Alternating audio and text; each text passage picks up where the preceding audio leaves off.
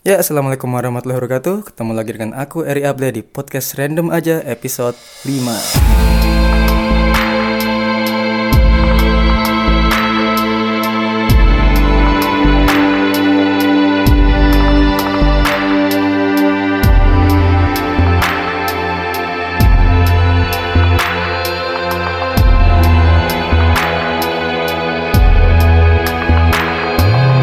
Oke teman-teman kembali lagi dengan aku Eri Ableh Jadi di episode 5 kali ini aku nggak sendirian ya. Aku kembali lagi ditemenin sama temanku yang selalu Aal. Roto Rene. Belum bangsa ya, Jadi di episode ini aku sama Al Rodo Rina ya. Dan pada episode kali ini aku ingin sedikit membahas tentang masalah mental illness ya Al. Yang mungkin di Mental Indonesia. ah, ah, Di Indonesia kurang begitu diperhatikan Karena masih banyak yang memandang sebelah mata tentang hal ini Dan sebelum kita masuk ke topik pembicaraannya Kita mau mengucapkan selamat lebaran ya Selamat eh, Hari Raya Idul Fitri 1440 Hijriah ya 1440 Hijriah. Ya, selamat merayakan untuk yang merayakan dan semoga kita selalu diberi kesehatan dan rezeki dan apa pun di dalam Amin. eh, apa ya? Dalam kehidupan ini. Dalam hidup ini. Oke, seperti itu. Menang izin wal ini dulu. Iya, minal aizin wal faizin, mohon maaf maaf lahir dan batin. Bastin, Bastin. Bastin, Bastin, good, Mastin. Oke, jadi di episode kali ini kita kan bahas mental illness Al. Hmm.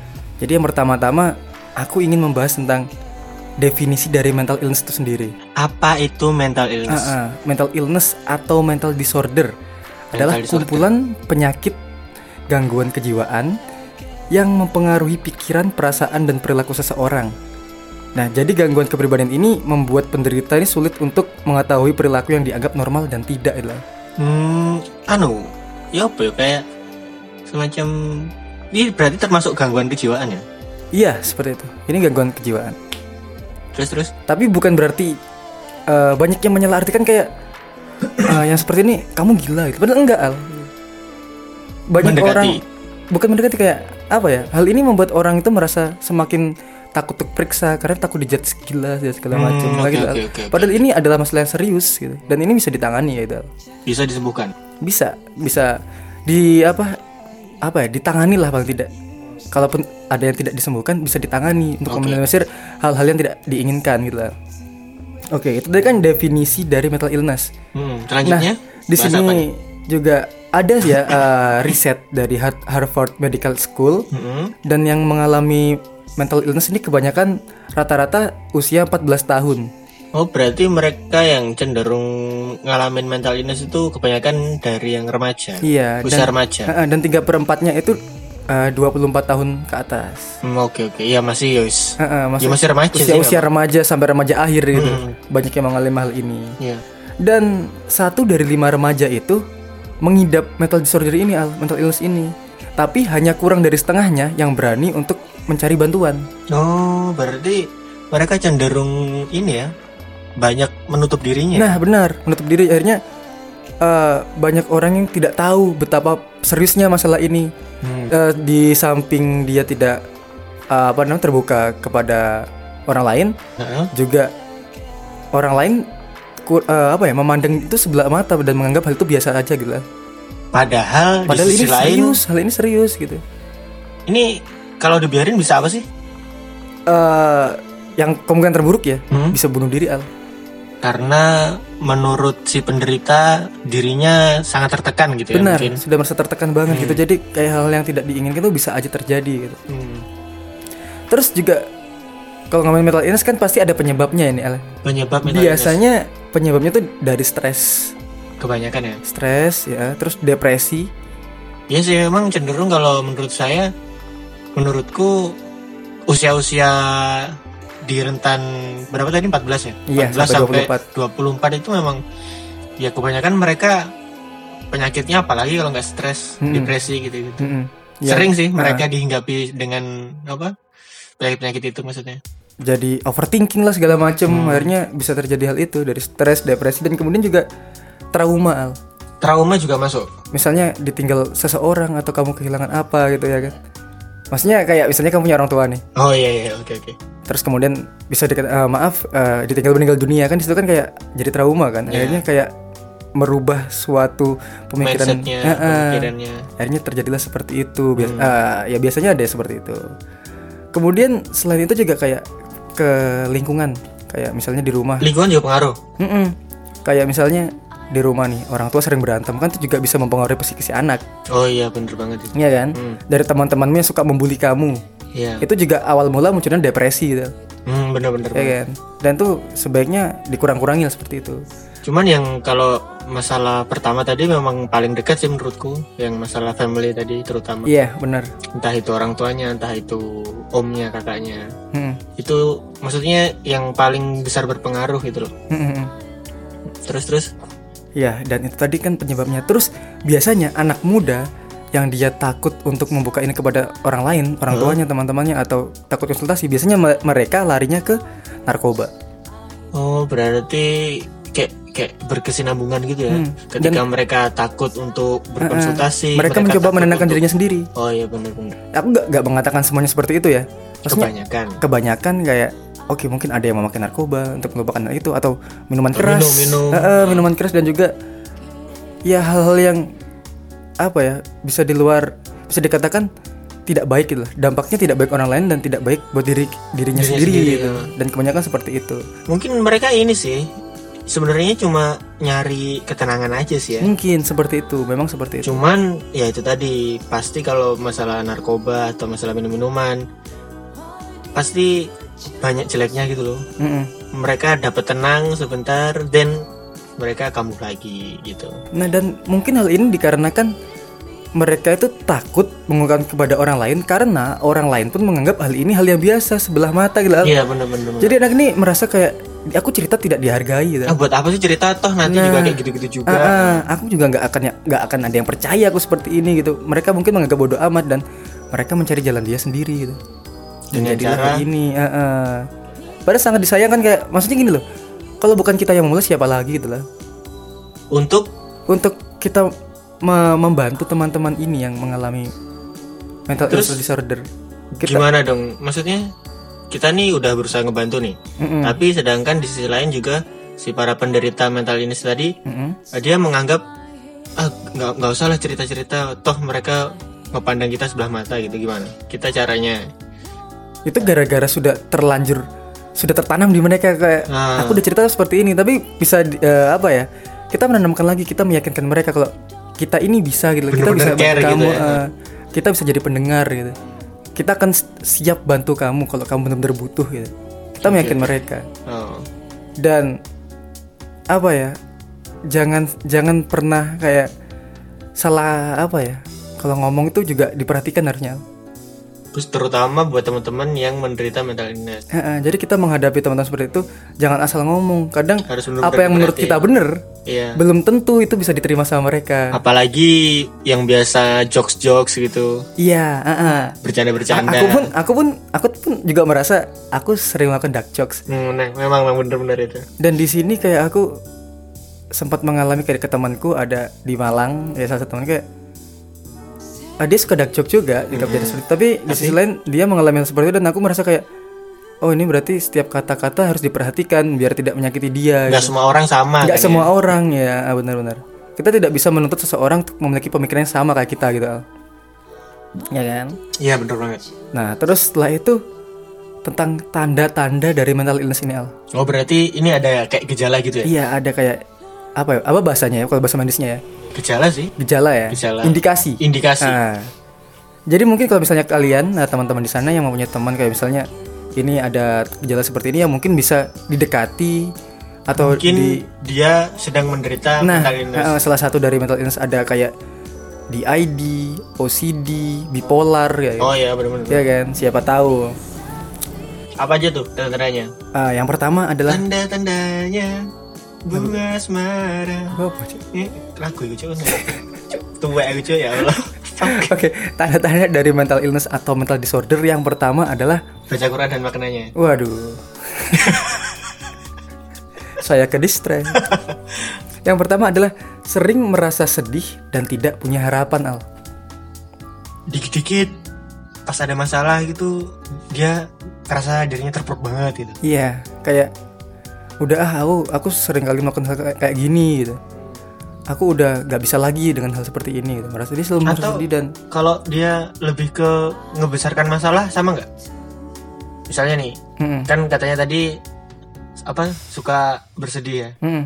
suka bersedih ini misalnya nih ada orang gitu orang yang menderita mental illness terus yang mungkin menderita mental illness terus dia punya masalah nih terus dia dengan masalahnya tadi dia kayak masalah kecil itu di dirinya tuh merasa besar banget itu loh. Jadinya dia sampai terpuruk gitu. Sama nggak kayak gitu? Ya itu mungkin juga bisa ya. Kayaknya dia udah merasa dan merasa eh, kayak masalah ini terlalu berat untuk Hmm, mereka iya, gitu. iya. tapi di sisi lain kita sebagai orang di luar mereka lingkungan eksternal mereka ya kita harus tetap menyupport mereka Al. Iya sih memang sih. So- soalnya kan juga berhubungan tadi dengan yang dipandang sebelah mata dengan orang tadi. Mungkin menurut orang lain masalahnya itu sepele aja. iya Tapi di sisi si penderitanya iya benar problem. Gara-gara itu tadi oke oke. terus mungkin gara-gara sering merasa sedih dan tidak ada harapan terus yang kemudian yang kedua itu munculnya keinginan untuk mengakhiri hidup Wah ini bahaya banget nih.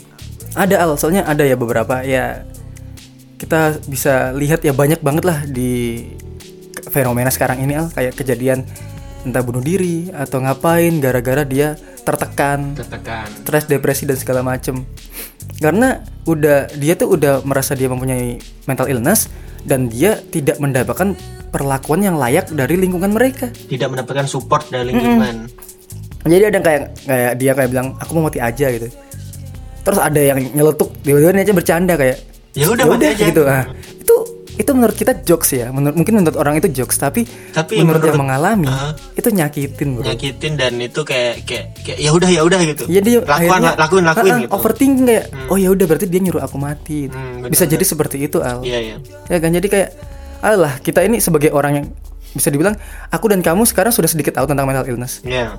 dan setidaknya kita yang tahu melakukan hal ini kita harus merangkul orang-orang ini jadi kita harus memulai biar orang-orang lain juga semakin tahu dan Hmm. makanya kenapa membuat podcast ini biar ini loh kalian yang nggak tahu hal ini bisa jadi tahu dan Iya. memperlakukan orang yang terkena mental illness ini sebagaimana mestinya Bagaimana mestinya dan dan harus memang benar-benar ekstra sabar ya.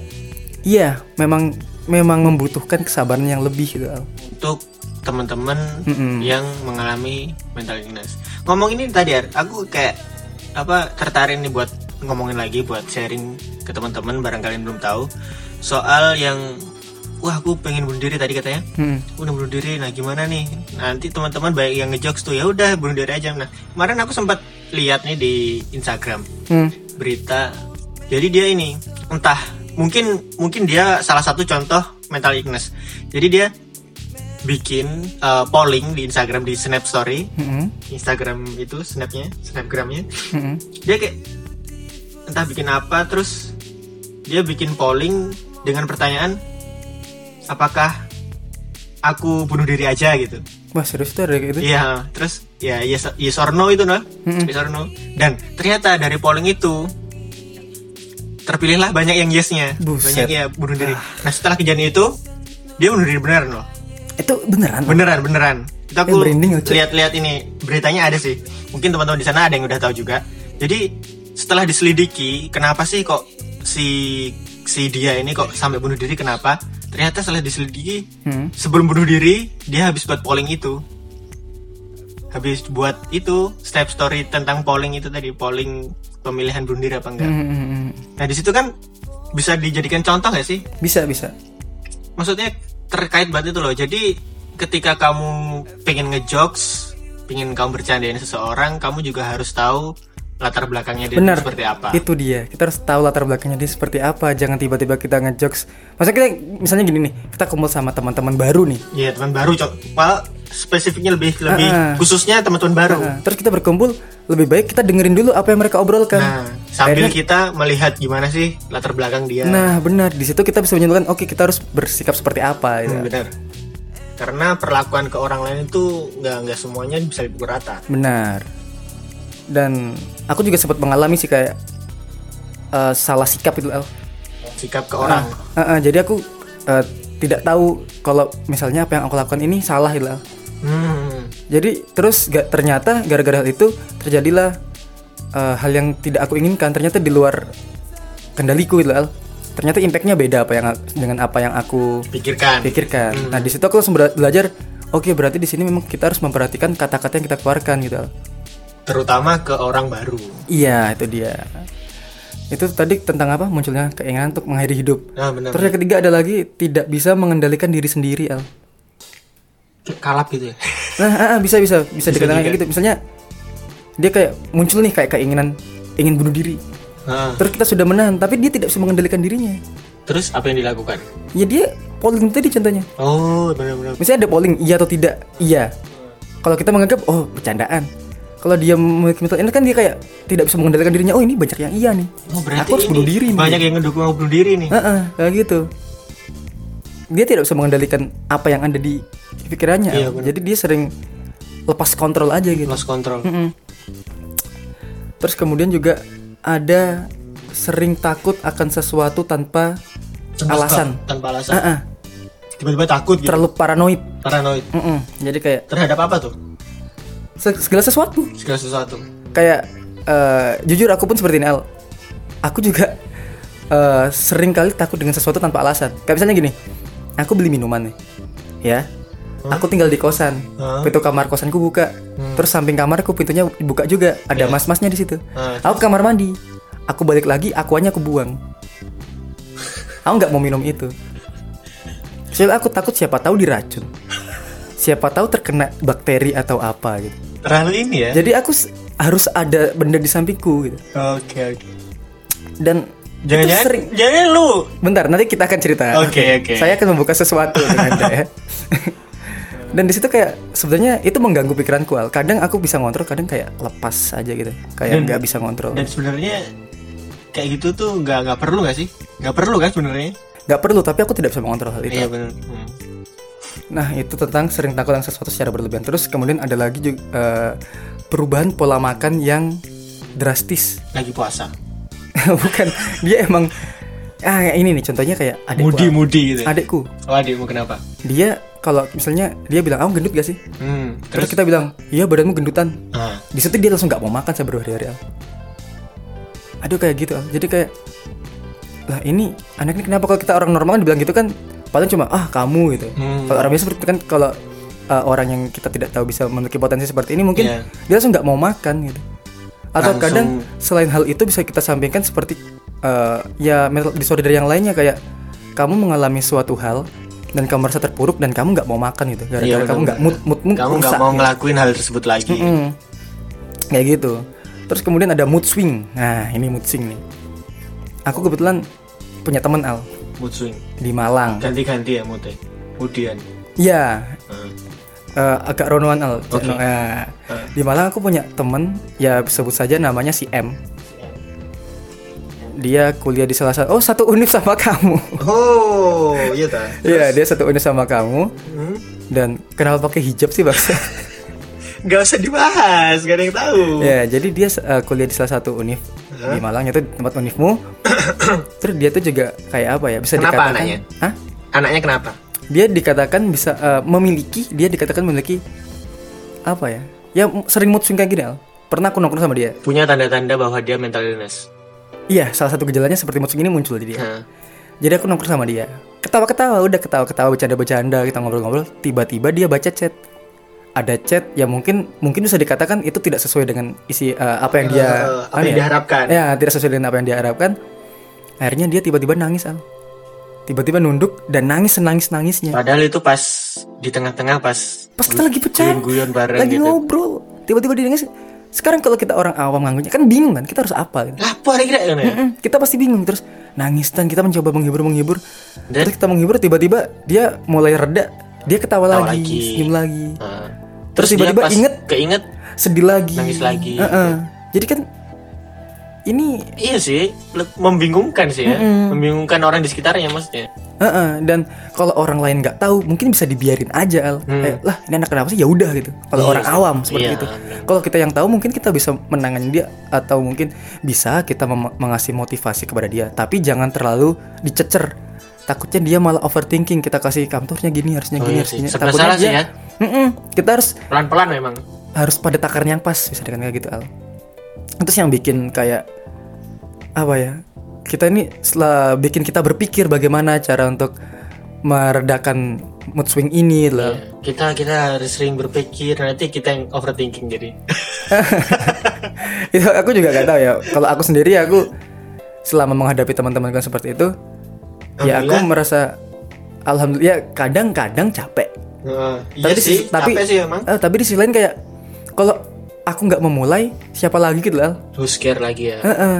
Kalau misalnya semua orang bodoh amat, terus siapa yang bantu dia? Hmm, kasihan nggak ada kan sebenarnya aku ingin membantu semua teman-temanku yang mengalami ini tapi lingkupku kan tidak terlalu besar al Iya, benar. aku hanya bisa melindungi dan apa ya kayak menjaga teman-temanku yang hanya di lingkunganku Dan beberapa orang aja sih. hmm, dan beberapa orang nggak bisa melindungi semua itu di luar kuasaku gitu Iya benar. jadi aku harapkan dengan podcast ini teman-teman yang lain bisa tahu dan lebih memperhatikan tentang fenomena ini al Memperhatikan teman-temannya yang mungkin di Uh-uh, sana. yang mempunyai gejala-gejala yang aku sebutin tadi. Dan setelah mood swing ada lagi yaitu sering memikirkan suatu hal dengan berlebihan overthinking tadi. Overthinking. Uh-uh, kalau kita memberikan nasihat, terus tiba-tiba dia berpikir berpikir atau kadang kayak yang aku alami juga yang kayak minuman tadi. Aku Oh, memikir iya. sesuatu secara berlebihan kan. Hmm. Kayak ah ini min- minumannya pasti, pasti diracun nih, pasti dikasih apa pestisida nih, pasti diludahin nama pasti disantet gitu kan. Aku memikirkan hal yang berlebihan itu. yang Padahal belum tentu. Mm-mm. Dan itu malah kayak menyiksa diriku sendiri aku merasa seperti itu. Tapi aku tidak bisa mengontrolnya. Al. Kembali lagi aku tidak bisa mengontrolnya. Hmm. Kalau skripsi termasuk nggak Itu sempat mem- membuat aku overthinking? ya? iya kayak apa sih yang nggak berguna banget gitu. Udah ada keluarga nyusahin, hubunganku selalu gagal dan skripsi pun aku juga nggak selesai-selesai kayak selalu overthinking aku kayak apa? Aku ini bisa apa? Aku sempat berpikir seperti itu. Hmm. Tapi aku mempunyai treatment-treatment buat diriku sendiri lah. Seperti? Ya kayak dalam misalnya 24 jam. Hah? dalam setiap jam hal apa yang bisa membuat moodku bagus Hmm. aku lakuin kayak misalnya ah, bikin musik buat moodku bagus ya udah Oh, aku iya. bikin musik aja paling nggak satu jam lah Hmm. terus setelah bikin musik Apain aku lagi mau ya? ngapain lagi ya ah, kayaknya aku Cokil cokil. iya kayaknya aku masak-masak aku kan suka masak juga masak-masak asik nih gitu. ya udah aku masak-masak terus aku cari eh, mungkin instagraman asik nih youtubean asik nih kayak gitu aku Lebih punya treatment nyelimur ya? Mm-mm, bener Nyelimur Bener. bahasa Indonesia apa? Eh, Mengalihkan, mengalihkan. Nah, Oke, itu s- tentang kayak memikirkan overthinking ya. Terus yang terakhir adalah suka menyakiti diri sendiri atau bisa kita sebut self harm. Dan ini banyak banget al kejadiannya al. Aku juga punya teman sih kayak gitu. Jadi dia kayak bisa, eh, mohon maaf kayak Silet-silet tangan. nah kayak silat-silat tangan tuh aku jujur aku trauma eh, bukan trauma apa ya Eh, parno aku nggak bisa lihat darah al Oh gitu ya. jadi aku kalau Lemah punya- ya? Iya lemah aku. Lemah. Mungkin kalau besok istriku melahirkan aku pakai kacamata hitam. Monokrom.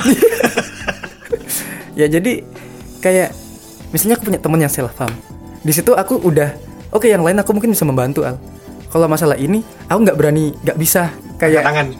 bukan angkat tangan maksudnya oke aku bisa membantu dia setelah selesai hal itu. gitu. Kalau selama dia masih ada lukanya dan aku nggak darahnya aku nggak bisa. Karena di situ aku benar-benar udah malah aku yang jadi paranoid. gitu. Iya benar. menurut aku jadi kepikiran jadi kalau misalnya dia udah kayak gitu mungkin orang lain yang tidak takut darah bisa membantu Stop it, stop it gitu ya. Mm-mm. Hmm. dan aku juga mungkin kalau aku bisa aku bisa membantu dia gitu entah mendengarkan curhatan dia atau segala macem gitu karena ada ada temanku juga bilang gini orang seperti itu hanya butuh didengar kalau dia cerita eh, nggak perlu ditanggapin berlebihan itu. Oh iya. Dia cuma butuh didengar dia cuma butuh pendengar yang baik bukan mas- malah diceramahin balik ya Iya sih ya. Ada gitu. beberapa, beberapa teman-teman yang dan gitu kebanyakan orang lain dan aku sendiri pun Hmm. suka kelepasan kadang kita tiba-tiba kayak iya kamu harusnya gini harus ngasih solusi kamu gitu harusnya ya. gini itu mungkin menurut kita bener kita harus ngasih saran kamu harusnya begini tapi di sisi lain dia tuh cuma pengen didengarkan al dia Iya, tidak iya. ingin di komentarin segala macem gitu Iya, kalau menurutku sih cari amannya gini aja sih. Setelah kita ngedengerin curhatnya, terus kita tawarin aja. Kamu mau denger gak pendapat tuh gimana? nah gitu. itu pinter kita memberikan eh, Tawaran, tawaran. tawaran seperti itu atau kalau tidak dia waktu eh, dia bilang aku butuh saran itu baru kita Nah, ngasih dia baru saran kayak gitu saran. bener-bener aku setuju banget sama Al Soalnya kan di sisi lain juga si gejala-gejala tadi kan ada yang dia menutup diri kan. Jadinya dia nggak nggak nggak ini loh. Kita kita jadi pendengar tuh juga serba salah. Kayak eh ini ini si si anak nih butuh saran ya sih gitu. Mm-mm. Ini si anak nih butuh pendapat kita nggak sih gitu kan makanya kita tahan dulu sampai terakhir tunggu dia tanya aku butuh saranmu atau kita nawarin diri untuk jaga-jaganya kayak Iya. gitu aja sih Mungkin bener katamu kalau untuk yang awam kita serba salah bingung ngapain. Iya. Tapi untuk kita yang tahu, oke mungkin dia butuh didengar dulu. Oke kita dengar, kita dengar, kita dengar. Setelah kita menawarkan hal itu tadi ya, kita menawarkan Iya. solusi. Oke itu tentang gejala-gejalanya ya. Terus apa lagi nih Terus kita ini nih. treatment ada nggak treatmentnya Nah ini kita ngomongin ini dulu. Hmm, permasalahan terjadi di Indonesia ini Al. oke Kenapa hal ini apa ya kurang diperhatikan? kurang diperhatikan Jadi kalau menurut aku ya dari segi eksternal ya. Yang pertama itu hal ini dipandang sebelah mata sama masyarakat. Al. nggak dianggap serius ya Mm-mm.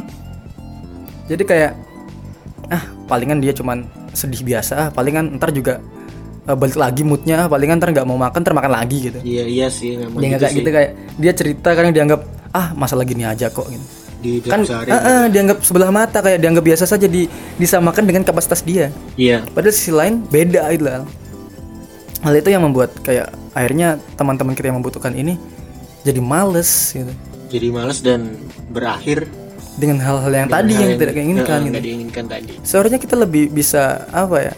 Memahami lah paling tidak seperti apa yang kayak kita sebutkan di awal-awal tadi. iya Janganlah apa kayak bilang hindari paling paling eh, paling menurutku paling penting itu hindari kayak kata-kata ah cuman gini doang kok. ah semua ngono. Iya, itu harus dihindari. iya iya Saya itu benar-benar menyakiti Al. Heeh. Kayak kamu nggak tahu apa yang dia rasakan Al. Mm-mm. kamu nggak tahu latar belakang dia seperti apa hingga terjadi hal seperti ini dan kamu bilang ah cuman gini aja kok ya kan? Iya benar itu tolonglah dihindari kata-kata seperti itu. Kemudian yang kedua selain memandang sebelah mata juga kadang orang-orang ini mengaitkan dengan hal-hal yang berbau mistis. Lah, kon kerasukan kon? Hmm, ah kamu kesurupan butuh dirukiah nah ah kamu eh, kurang eh, apa namanya ilmu agama. Ah kamu kurang gini kurang gini kurang gini. Mungkin kalau bisa dikatakan ilmu agama ya mungkin ada benarnya. Iya. Ah, tapi kalau tapi bukan kita mengatakan kamu ini kurang banget agama nggak gitu. Maksudnya setidaknya kita mempunyai tameng gitu lah. Iya sih. jadi punya tameng kayak oh aku harus sholat gitu. Hmm, benar benar itu mungkin treatmentnya seperti itu. Mm-mm. tapi kalau aku tapi aku yang nggak setuju itu kalau dikaitkan dengan hal mistis kayak kamu ini harus dirukiah kamu ini kena setan kamu kena segala macam gitu. Padahal kan nggak nggak Nggak semua sesuatu tuh nggak semua kasus kan disamaratakan kayak Mm-mm, gitu. bisa jadi itu karena kelakuan kamu yang ngatain dia mistis gitu. Oh iya. Iya kan? Kamu jadinya ngatain- dia terpuruk Ah, gara-gara kamu kebanyakan ah kamu tuh harus dirukiah kamu tuh mistis. Padahal dia tuh tertekan gara-gara omongan ini gitu. iya benar benar Iya kan? Lebih baik introspeksi diri lah daripada kayak mengatakan kamu harus dirukiah segala macam. Iya iya. Mungkin sumber kesalahan itu dari dari kamunya sendiri lah, dari orang yang mengatakan itu sendiri Iya. gitu kan. Dan banyak banget al yang gitu al kayak dikit-dikit aku pun ke orang tua aku orang tua aku juga bilang ah itu nggak ada mental illness tuh nggak ada orang tua gitu. itu cuman gara-gara dia kurang sholat Oh, oke itu berarti dia termasuk banyak setan dan aku merasa Orang-orang aku nggak termasuk- setuju dengan hal itu Oh, iya, oke, oke. mental illness tuh ada gitu. mereka masih memandang hal ini hal yang aneh orang tua aku Berarti bisa dikatakan kalau mental illness itu sebenarnya memang kayak suatu kayak artinya tadi pertama ya, suatu penyakit kejiwaan ya. Jadi maksudnya mem- memang bisa diobati dengan treatment-treatment tertentu. benar benar nah seperti itu kemudian selain dikaitkan dikaitkan dengan hal mistis juga orang-orang ini kadangkala dia udah capek dan menjauhi orang itu al kan kita di awal tadi udah bilang orang-orang ini butuh didengarkan Iya sih. ya. sedangkan kalau orang yang awam dan dia capek dia malas dia menjauhi Hmm. Dan setelah kita jauhi anak-anak ini, teman-teman kita yang membutuhkan ini semakin tidak terarah gitu lah. Iya sih. Memang kebanyakan juga. Ya, s- misalnya ada teman nih yang kayak tadi misalnya mood swing tadi suka berubah-ubah.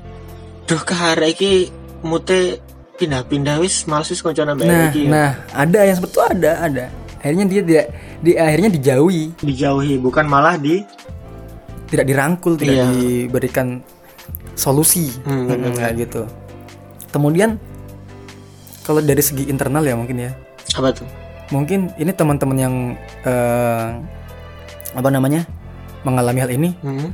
itu kebanyakan mungkin mungkin mereka takut periksa takut konsultasi karena takut dianggap gila karena aku pun seperti itu Al. dulu aku kayak menganggap aku takut eh, aku kan mengalami gejala tadi kan Iya. aku dulu takut banget kayak periksa aku takut konsultasi karena aku takut dianggap aku ini gila gitu dengan si orang yang mau kamu konsultasi Mm-mm. Padahal di sisi lain kalau kita pikir pikir secara lebih jauh, pikir Jernih, secara positif, orang ini sudah sesuai dengan bidangnya. Ini Iya, profesi bener dia, nggak nggak mungkin dia nganggap kamu gila. Dan memang itu keep secret. iya keep secret Ah, ya, dia benar-benar udah dirahasiakan itu hanya kerahasiaan kamu Ah, ah, dan dan itu kayak dokter atau psikiater gitu gak sih psikolog psikiater. psikiater atau psikolog sih benernya Mm-mm. Ya ada eh, psikolog itu yang kayak yang di atas atas, psikiater yang nah kayak gitu. ah. dan mereka itu biasanya kan udah diikat sumpah gak sih Iya, ah, ah. kan Ada karena gitu. itu termasuk dari bagian dari pekerjaan mereka Mm-mm. Dan aku yang sedikit bercerita ya. Sebenarnya aku dulu kayak mengalami hal ini aku takut konsultasi. Mm-mm. Terus kemudian aku memberanikan diri suatu saat konsultasi dengan ya biaya yang mahal kalau di Indonesia ya. Ya bisa dikatakan mahal lah kalau buat anak-anak seperti kita. Dan di situ aku didiagnosa mengalami OCD, apa itu Obsessive Compulsive Disorder. menyebabkan Jadi di situ kayak gejalanya itu bisa dikatakan kalau orang awam nyebutnya itu perfeksionis. Kamu tidak bisa melihat hal yang tidak. Misalnya kamu lihat ada kayak jajar jajar jajar, terus ada satu yang nyempal gitu. Kamu nggak bisa lihat kayak gitu. oh iya, iya. kayaknya aku juga sih kalau gitu Nah, terus juga aku selalu memikirkan hal kayak yang paling simpel nih ya. Kunci pintu. kenapa dia Kamu kunci pintu, cekrek cekrek, kamu keluar. Terus kamu mikir, aku udah kunci pintu belum ya? oh Aku balik lagi. Oh, udah udah aku kunci ternyata. Terus gini ceklek ceklek gitu lagi. Aku pergi lagi. Aku mikir lagi. Ini udah aku kunci gak ya?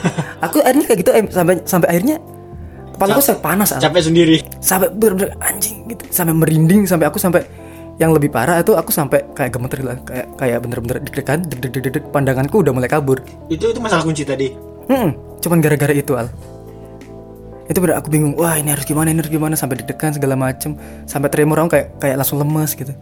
Dan gara-gara itu aku memberanikan diri untuk konsultasi karena itu aku sudah merasa itu sudah mengganggu aktivitasku, ya. sudah mengganggu aktivitasku dan aku akhirnya berani bercerita. Aku konsultasi dan akhirnya tahu itu dan aku tahu bagaimana cara menangininya.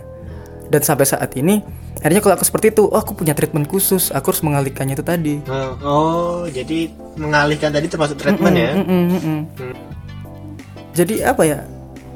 Untuk teman-teman di sana yang mengalami hal ini ya jangan takut untuk berkonsultasi karena memang ini sudah bidangnya mereka, bedanya Iya. psikolog, psikiater gitu. mereka pasti bisa ngasih solusi yang Pasti bener bisa ya ngasih solusi iya dan kalian udah rahasia terjamin itu. Ini rahasia aku yang bongkar aku sendiri kan, bukan Iya bukan psikolog ya. psikiater karena aku ingin berbagi gitu. Di situ terus kemudian eh, kebanyakan anak-anak ini juga nggak berani berkumpul dengan lingkungan sekitar. Gara-gara tanggapan lingkungannya seperti itu, Gara-gara dia jadi negatif. mengurung diri al, ya kan? Dan itu juga dampaknya nggak baik. buat dirinya sendiri terutama Iya, heeh. semakin semakin menjadi terpuruk gitu. Terus kemudian juga eh, kadang ada yang nggak mau cerita. Tapi setiap orang kita nggak bisa menyamakan ya. Mm-mm, Mungkin ada yang ingin cerita, ada yang enggak. mm. Dan kalau misal ada yang nggak mau cerita, mungkin treatment dari eksternal eksternalnya aja kita bagaimana gitu menghadapi Iya. dia. Dan kalau yang dia ingin cerita tapi takut ya kita paling tidak merangkul mereka dan berusaha untuk membuka obrolan gitu. iya iya Biar mereka cerita dan kita bisa menyarankan untuk konsultasi itu tadi. Gitu. agak kepo dikit lah nggak apa-apa ya. Mm-mm. Tapi jangan sampai ada mengintervensi dia gitu. Mm. Karena itu bisa membuat dia makin overthinking. Kemudian untuk treatment nih, bagaimana sih cara kita dari lingkungan eksternal untuk menghadapi hal ini? Iya itu tuh itu yang paling penting ini sih bagian ini sih gimana tuh Yang pertama, hargai mereka. sebenarnya mereka butuh dihargai ya. Mereka butuh dihargai. Dengarkan aja mereka mau cerita ya udah dengarkan. Mereka tuh udah dengarkan gitu. jangan menyela jangan menyela Nggak, jangan, jangan, jangan. disela. Heeh. Cukup hargai mereka dengan keadaan mereka seperti itu. Jangan sampai membuat dia sakit hati dengan kata-katamu kayak gitu. Mhm. Itu hargai. Terus yang kedua, jangan bohong. maksudnya gimana Jangan pernah membohongi eh, si teman kita yang membutuhkan ini. Terus kemudian dia merasa ah kamu bohong ya. Akhirnya dia jadi overthinking. Tapi aku gini nggak sih? Aku gitu nggak sih? Terus kamu bilang enggak, kamu nggak gitu kok. gitu. padahal Padahal seperti itu. gitu. Oke. Di situ dia langsung makan, langsung mikir enggak kan aku seperti ini kamu bohong ya. Di situ dia kan muncul kayak pemikiran-pemikiran yang oh iya aku nggak percaya lagi sama kamu karena kamu gini gini gini. Akhirnya jadi panjang al. Hmm. Jadi lebih baik kalau bilang kita jujur juga bisa menyakiti dia juga. iya nah itu gimana tuh Eh, jadi gimana ya? Bisa dikatakan eh bahasanya diperhalus, diperhalus sehalus-halusnya dan kita memberi kayak kata-kata yang buat meninggikan hati dia gitu. cuman itu tetap jujur ya Mm-mm, paling eh eh, enggak kok tapi kan nah di kayak misalnya Iya, iya. aku, aku kayak gini nggak sih Eh enggak tapi kan kalau misalnya seperti itu pun kamu bakal kayak gini Iya, loh iya, bakal lebih baik seperti itu atau iya nggak apa-apa emang aku juga seperti itu dan itu mungkin hal yang baik juga kayak gitu. atau gini le kalau mudahnya mungkin ya gini Eh, bilang aja itu benar Mm-mm, Eh, bilang bilang aja sejujurnya mm-mm. cuman ketika itu kira-kira pas jujur itu jawabannya menyakitin hati nah kamu kasih solusinya juga Mm-mm. Nah, gitu jangan kan. cuma berani ngomong tanpa Iya. ngasih solusi Iya. itu malah menjatuhkan mereka eh aku gendut gak sih iya sih kamu gendut cuma biar kamu nggak kelihatan gendut kamu pakai baju yang oversize nah kayak gitu Nah, misalnya ah. kasih solusi juga Ah, ah. maksudnya it's it's true tapi kamu gimana sih cara ngetutupinnya gitu loh Mm-mm. kita memberikan solusi untuk itu Iya. dan mungkin mungkin beberapa orang belum bisa nerima tapi setidaknya ya diperlakukanlah se- seperti ini maksudnya nggak semua orang bisa nerima kayak kamu harus pakai ini ah enggak ntar gini ntar gini ya bagaimana kita treatment lah lebih Iya. lebih jauh aja lebih Iya. baik aja dari itu terus juga pahami keadaan itu tadi ya sama kayak menghargai maksudnya keadaan mereka seperti itu ya udah kamu jangan menjauh jangan apa Hmm. kamu harus memahami keadaan dia seperti itu dan kamu harus nggak boleh capek. Iya sih benar kamu harus betah gitu. memang teman yang namanya teman tuh dibutuhin pas lagi kayak gitu Benar, mereka ini membutuhkan tempat cerita, membutuhkan pendamping, membutuhkan support. Hmm. Pahami keadaan mereka. Jadi kamu harus ada di samping dia untuk merangkul dia gitu. Jangan tiba-tiba pergi dan membuat dia jadi kehilangan arah gitu. Hmm. terus selanjutnya Terus yang terakhir adalah tadi balik ke pertama tadi perhatian perhatikan ucapan. lebih ke harus bisa nata ucapan Iya, ini penting sih soalnya memang ada yang bilang kan lidah ini apa yang bilang apa? lidah tak bertulang Lidah tak bertulang ya kan? tapi setajam pedang Iya, jadi kita harus memperhatikan setiap kata yang kita ucapkan gitu. Al. iya nggak semua ya udah kita diomong udah kita omongkan di awal tadi nggak semua yang menurut kita benar itu bisa diamini sama dia gitu ya jadi lebih memperhatikan aja uh, kata-kata kita bagaimana cara mengatur kata-kata yang baik tujuannya ini tapi dengan dipoles demikian rupa Iya. jadi tidak langsung tes nggak gitu loh Al. nggak langsung ngena Jadi maksudnya pelan pelan pelan tapi ngena gitu, nggak nggak langsung kayak cetes gitu. Nah seperti itu ya tuh mungkin sedikit obrolan kita tentang mental illness. mental illness Nah aku harap di sini teman-teman di luar sana yang mungkin sebelumnya awam tentang hal ini bisa, bisa, jadi sedikit tahu ah, jadi tahu dan merangkul lah kalau sekiranya ada teman-teman yang teman-teman lingkungan mereka yang eh, ada gejala seperti itu bisa lebih dirangkul lagi. ayo mereka butuh teman bukan bukan butuh dijauhi Mm-mm. Udah udah kita harus sama-sama manusia kita ini ah. iya benar-benar Kita harus berjalan bersama bagaimanapun ya. gitu. harus bukan di depan bukan di belakang kita harus di, di samping. sampingnya Nah, itu dia. Jangan jangan pernah kayak merasa iya iya aja selalu ngalah dan juga jangan pernah merasa, merasa di paling benar atas kamu merasa menggurui tapi kamu harus ada di samping dia gitu. Meskipun orang tua pun kalau aku ada saran ke orang tua ya jangan kayak ngejudge anak kamu terus gini terus gini terus gini atau enggak orang tuanya cuman iya iya aja paling tidak orang tua harus bisa menjadi teman harus untuk anaknya di bisa samping tadi. anaknya kayak gimana Ya jadi itu ya mungkin menurut aku pembahasan mengenai mengenai mental illness ya. Oke Kalau misalnya ada teman-teman yang mau kritik atau saran tentang Bisa. tentang episode ini atau mau request tentang materi Episode apa yang lain. kita bawakan, Hah? bisa apa DM di Instagram atau Twitter aku di @riable13 ya E R Y A B L E H H 13 double H. double H semua akunnya kayak gitu Mm-mm. oke Instagram sama Twitter. Nanti di situ akan aku insya Allah akan aku bales kalau ada yang tanya. Kalau ada yang tanya Atau atau ada yang kritik saran, gitu. ya atau request akan aku balas. Yang mungkin itu ya, itu ya, cukup ya itu ya. cukup Nah, cukup sekian dari Eri dan Aal. Sampai ketemu di episode selanjutnya. Semoga kalian terhibur dan ciao. ciao you